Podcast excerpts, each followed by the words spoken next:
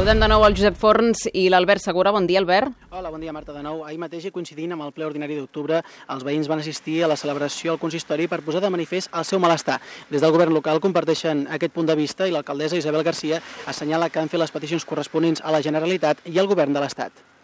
Hem tingut reunions amb el senyor Ricard Font, director general de Transports i Mobilitat de la Generalitat. També hem demanat, hem fet la petició a la senyora Llanos de Luna, que és la delegada del govern central aquí a Catalunya, que estem pendents de que ens doni la reunió,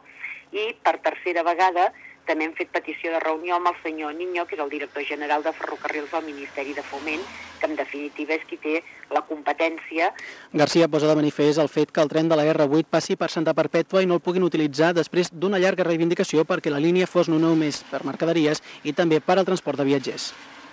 ha milers de persones que fan aquest desplaçament per venir a treballar a Santa Perpètua, altres ciutadans de Santa Perpètua que es desplacen fora i sobretot que són els nostres estudiants que per anar, per exemple, a la Universitat Autònoma seria només una parada de tren i en aquests moments no tenen altre remei que o perdre dues hores en transport públic o agafar el vehicle privat. I el que no és de rebut és que en aquests moments, després de 15 anys de ser un dels municipis capdavanters reclamant que també fos de transport de viatgers, en aquests moments veiem passar el tren i no tinguem el servei a Santa Perpètua. Pel que fa a l'altra línia de tren, la R3, Garcia assenyala que ja s'està treballant a nivell tècnic per analitzar l'aparició de les esquerdes que ens comentaven els veïns i que han denunciat en el barri de la Florida i que han constatat in situ.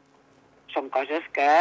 s'hi ha de posar remei i estem reclamant també doncs, que vinguin, que s'ho mirin, que facin l'estudi. De fet, la Generalitat sí que ha estat treballant a nivell tècnic amb una tècnica del nostre Ajuntament i s'està fent un estudi geològic per tal de veure quin és el comportament de les terres en aquests moments. Però sí que als talusos també hi havia desprendiments